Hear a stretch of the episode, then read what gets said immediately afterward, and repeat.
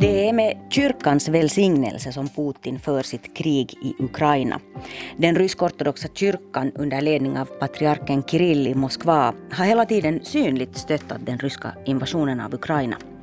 Hur kan patriarken, som egentligen mest ser ut som en mysig julgubbe, stödja ett krig mot ett folk som hör till hans egen kyrka? Kyrkans och religionens roll i Ryssland och i kriget mot Ukraina är inte alldeles okomplicerad.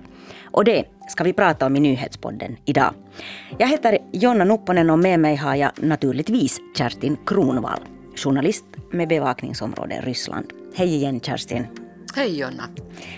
Varför behöver en auktoritär och nästintill allsmäktig ledare som Putin kyrkan till sin hjälp? No, egentligen kanske han inte behöver just kyrkan till sin hjälp, men han tar till alla medel som finns i landet. Och kyrkan i, den ortodoxa kyrkan i Ryssland är stor och har många medlemmar och eh, har en synlig roll. Och det gör att, att eh, naturligtvis vill han att också kyrkan ska, ska välsigna hans eh, anfall på Ukraina. Mm. Gör han det här av, av någon sorts tro eller av vad? vad? Vad vet vi egentligen om hur religiös eller troende Putin själv är? No, han har byggt upp en sån här bild av att han är väldigt religiös. Eh, man kan inte veta om han är troende eller inte, men han, han eh, tycker om att visa sig i kyrkan. Och han har också låtit skapa en myt kring sin egen barndom. Och jag säger att det är en myt för jag tror inte själv på den utan att kunna bevisa varken att den är sann eller, eller osann. Men, mm. men den går alltså ut på att hans mamma i hemlighet skulle ha låtit döpa honom under Sovjettiden när det då inte var tillåtet att, att hålla till i kyrkor. Och att han dessutom skulle ha blivit döpt i Preobrasjenska ja, katedralen i, i Sankt Petersburg som finns mitt emot det finska konsulatet idag. Så, så det här är en sån här historia som han gärna omhuldar. Men sen, sen tycker han om att visa sig med, med präster, röra sig i kyrkor, kyssa krucifix och, och göra korstecken. Mm. Det här måste ju vara på något sätt viktigt om han gör det här. Uh, hur skulle du beskriva kyrkans och religionens roll i Ryssland? Den är viktig samtidigt som den är fullständigt oviktig, att den är mm. väldigt dubbel. Det är så att efter att Sovjetunionen föll sönder, när det då blev möjligt att ha en, en fri religionsutövan, så börjar folk ansluta sig i allt högre grad till den ortodoxa kyrkan och också bekänna sig till, till den ortodoxa tron och, och väldigt gärna gå i kyrka vid tillfällen och tända ljus för, för sina avlidna och, och allt möjligt sånt här. Men det är så dubbelt för att samtidigt så i Ryssland så tror man på allt möjligt annat också också. Man tror på kinesiska horoskop och man tror på att om man har en pyramidfigur i sin bil så kan det hindra bilolyckor. Och sen tror man också på det att, att trots att man följer kyrkans eh, bud och, och anser att kyrkan har rätt så anser man samtidigt att det är rätt att bryta mot de här om det, om det är till ens egen fördel. Så det här religiösa i Ryssland är väldigt smidigt om man säger. Mm. Sedan den här ryska offensiven inleddes i februari mot Ukraina så har den rysk-ortodoxa kyrkan öppet stött Putins krig. Medan kanske den övriga ortodoxa världen, om nu inte har fördömt det så åtminstone inte hejar på. Eh, det här känns lite märkligt att kyrkan stöder krig. Varför stöder den rysk-ortodoxa kyrkan så här öppet det här kriget i Ukraina? Det har nog att göra med att det här förhållandet mellan statsmakten och kyrkan i Ryssland har blivit allt starkare under Putins tid vid makten. Mm. Och Eh, det finns liksom ingenting som skulle göra att den ortodoxa kyrkan skulle vända mm, Vladimir Putin ryggen, åtminstone så som det ser ut idag. Så kyrkan har tagit den här rollen att, att man stöder det som staten vill och därför stöder man också det här kriget. Men eh, det har ju faktiskt också funnits en viss splittring inom kyrkan, att det finns präster som har lämnat den ryska ortodoxa kyrkan och anslutit sig till små eh, ortodoxa samfund uttryckligen för att, för att de fördömer eh, kyrkans eh, godkännande av kriget. Så det är inte så där, den där bilden är inte helt enkel, men, men kyrkans ledning har definitivt tagit den rollen att man alltid stöder Putins och eh, statsmaktens beslut och, och eh, linjeval. Mm. Varför gör man det här? Det är ju väldigt svårt att säga, men att jag, jag skulle säga att det bygger mycket på att man vill ha ekonomisk vinning av det här. Mm. Kyrkan har stora egendomar och det har varit diskussioner här under årens lopp om att, att ska kyrkan verkligen få ha alla de här jordegendomarna och fina tomterna och allt det här som de har. Och då har staten liksom gjort en sån här byteshandel med kyrkan att när kyrkan i Ryssland, den ortodoxa kyrkan i Ryssland tar över en ganska stor del av det som egentligen borde skötas av, av staten via socialvård, så mm. får man istället orört sitta på de här egendomarna och alla de här rikedomarna. Eh, dessutom hör det till att, att de här högsta prästerna eh, högsta i, i den här hierarkin inom kyrkan, som till exempel patriarken Kirill, helt tydligt har stora ekonomiska fördelar själv personligen av, av att ha den här rollen av, av den som sitter så där väldigt tätt intill Putin och stöder allt vad han gör. Mm. Ja, patriarken Kirill av Moskva, han är president Putins nära allierad är de kanske till och med vänner. I alla fall så lades han nyligen på EUs sanktionslistor. Hur, hur stor är den här patriarkens roll? Hur tungt väger hans ord? Patriarkens roll är oerhört stor. Alltså det, kyrkan är en hierarkisk organisation och eh, patriarkens roll är i princip lika stor som påvens roll inom den katolska kyrkan. Mm. Alltså att hans åsikter och hans, hans synpunkter är väldigt, väldigt, väldigt betydelsefulla. Det är lite intressant med Kirill att, att innan han blev patriark och vi hade, eller Ryssland hade patriarken Alexei, så var Kirill väldigt um, omtyckt bland annat av många västerländska politiker, präster, ambassadörer eftersom Kirill ansågs vara en sån här väldigt förnuftig, resonabel, liberal präst. Och, och sen, mm. sedan han, antingen just innan han blev patriark eller sedan han blev patriark så har han liksom förändrat sin egen roll väldigt, väldigt mycket för att, för att närma sig eh, statens syn. Varför gör han det här? Priset han betalar är liksom makten då och ekonomin eller? Jag tror att han gör det av, av lust till personlig ekonomisk vinning. Han berikar sig helt enkelt så här. Men, men det här kan jag inte veta. Jag har aldrig talat med honom. Mm.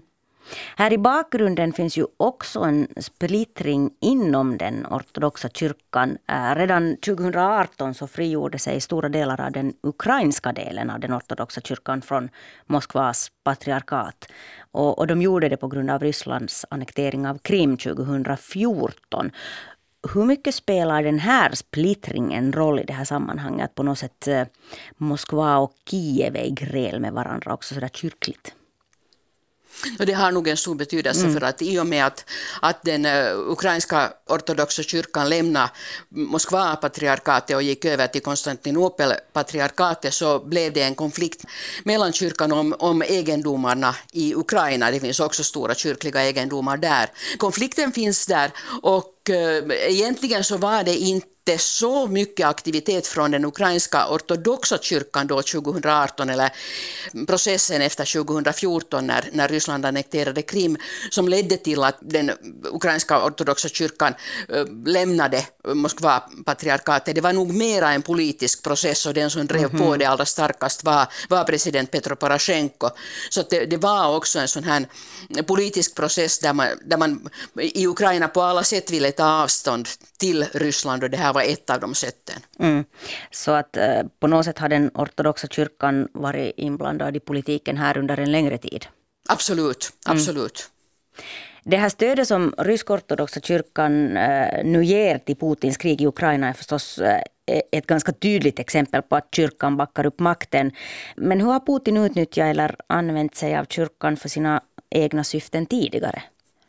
Hade han under hela sin, sin tid som president så har han haft en väldigt sån här nära relation till kyrkan och, och använt kyrkan för att, för att sprida det budskap han vill i, i Ryssland bland de som tillhör den ortodoxa tron. Och han har också väldigt tydligt visat vem det är som bestämmer. Till exempel alldeles under sina första år som president skulle han delta i årets viktigaste kyrkliga händelse, nämligen sån här när man, när man går runt en kyrka på påsknatten och bär ett krucifix. Mm. Och det här ska man göra vid midnatt, natten mellan påsklördagen och söndagen. Och och eh, både kyrkfolket, krucifixet, patriarken och Gud fick vänta på Putin som kom en och en halv timme försenad till det här och först då gick man. Så det här visar bara liksom vilket stort inflytande han har på kyrkan. Och vi har andra exempel också där man har använt eh, kyrkan och, den ortodoxa eh, tron liksom som, som sådana vapen mot oppositionella eller, eller mot, mot mera fria uttryck. Och nu har vi under de här senaste åren sett flera fall där, där unga människor har dömts till böter eftersom de har gjort selfier, lättklädda selfier fram, framför kyrkliga byggnader, alltså kyrkor eller kloster eller någonting sånt här. Och då har man sagt att, att genom att göra sådana här selfier utan att, att vara tillräckligt påklädda så har man sårat de religiösas känslor. Så man har använt det här kyrklig retorik som man har bundit i kyrkan för att motarbeta också opposition eller fritt tänkande av olika slag. Mm. Fungerar det här? Köper liksom folket det här? Det fungerar på det sättet att de som vill visa några andra åsikter så blir skrämda för att de får förfärligt höga böter eller hårda straff eller sätts i fängelse. Så det fungerar på det sättet. Jag tror inte att det fungerar så att, att den stora allmänheten skulle applådera och säga att, att oj, oj, oj, våra känslor är så sårade nu, att mm. nu var det jättebra att, att de här blev dömda, utan det handlar nog mer om skrämseltaktik. Mm. Skulle Putin kunna klara sig utan kyrkans stöd? Mm, no, kanske inte, för att det finns så få saker som överhuvudtaget förenar det ryska folket. Och, och kyrkan har då eh, har en slags förenande roll. Att det, finns, det finns ortodoxa, eller människor som, som tillhör den ortodoxa tron i hela landet, i alla åldersklasser, i alla socialgrupper. Att det, det är en metod att, att liksom nå en stor del av, av befolkningen att använda just det här. Det är svårt att tänka sig riktigt vilken annan Mm, institution i samhället som skulle ha samma stora inflytande på, på en så stor mängd av, eller stor del av befolkningen. Mm, mm. Du var inne på, på den här religiösa retoriken som Putin använder sig av och han pratar ju också om på något sätt att kriget i Ukraina också är ett krig mot västvärldens gudlöshet och dekadenta livsstil. Eh, men är det här bara retorik på samma sätt som på något sätt det här avnazifieringspratet som han, han för? No, det är nog retorik, det är ett mm. sätt att marknadsföra det krig uh, han har inlett i, i Ukraina, inlett redan för åtta år sedan och fortsatt med det här häftiga anfallskriget nu, nu i år. Och, och det här är ett sätt att, att liksom förklara för, för folket att, att man måste stå emot alla, den här, alla de här mm, dåliga uh, sakerna som händer i Europa. Man talar ju också till exempel i Ryssland väldigt aktivt om Europa som gay-Europa, använder alltså ordet gay-Europa för att förklara att, att i Europa så är det ungefär homosexualiteten som råder i hela världsdelen och så här. Så att, att det finns så mycket sånt här, många olika sätt där, där Putin i hemlandet har försökt marknadsföra det som i själva verket bara handlar om, om geopolitik, om det att han vill att Ryssland ska ha ett politiskt inflytande och ett avgörande politiskt inflytande på de grannländer som, som en gång var en del av, av Sovjetunionen. Mm den här konservativa retoriken passar ju säkert kyrkan alldeles ypperligt. Men hur det skiljer sig den rysk-ortodoxa kyrkans roll i det här kriget från hur kyrkan genom historien har förhållit sig till krig?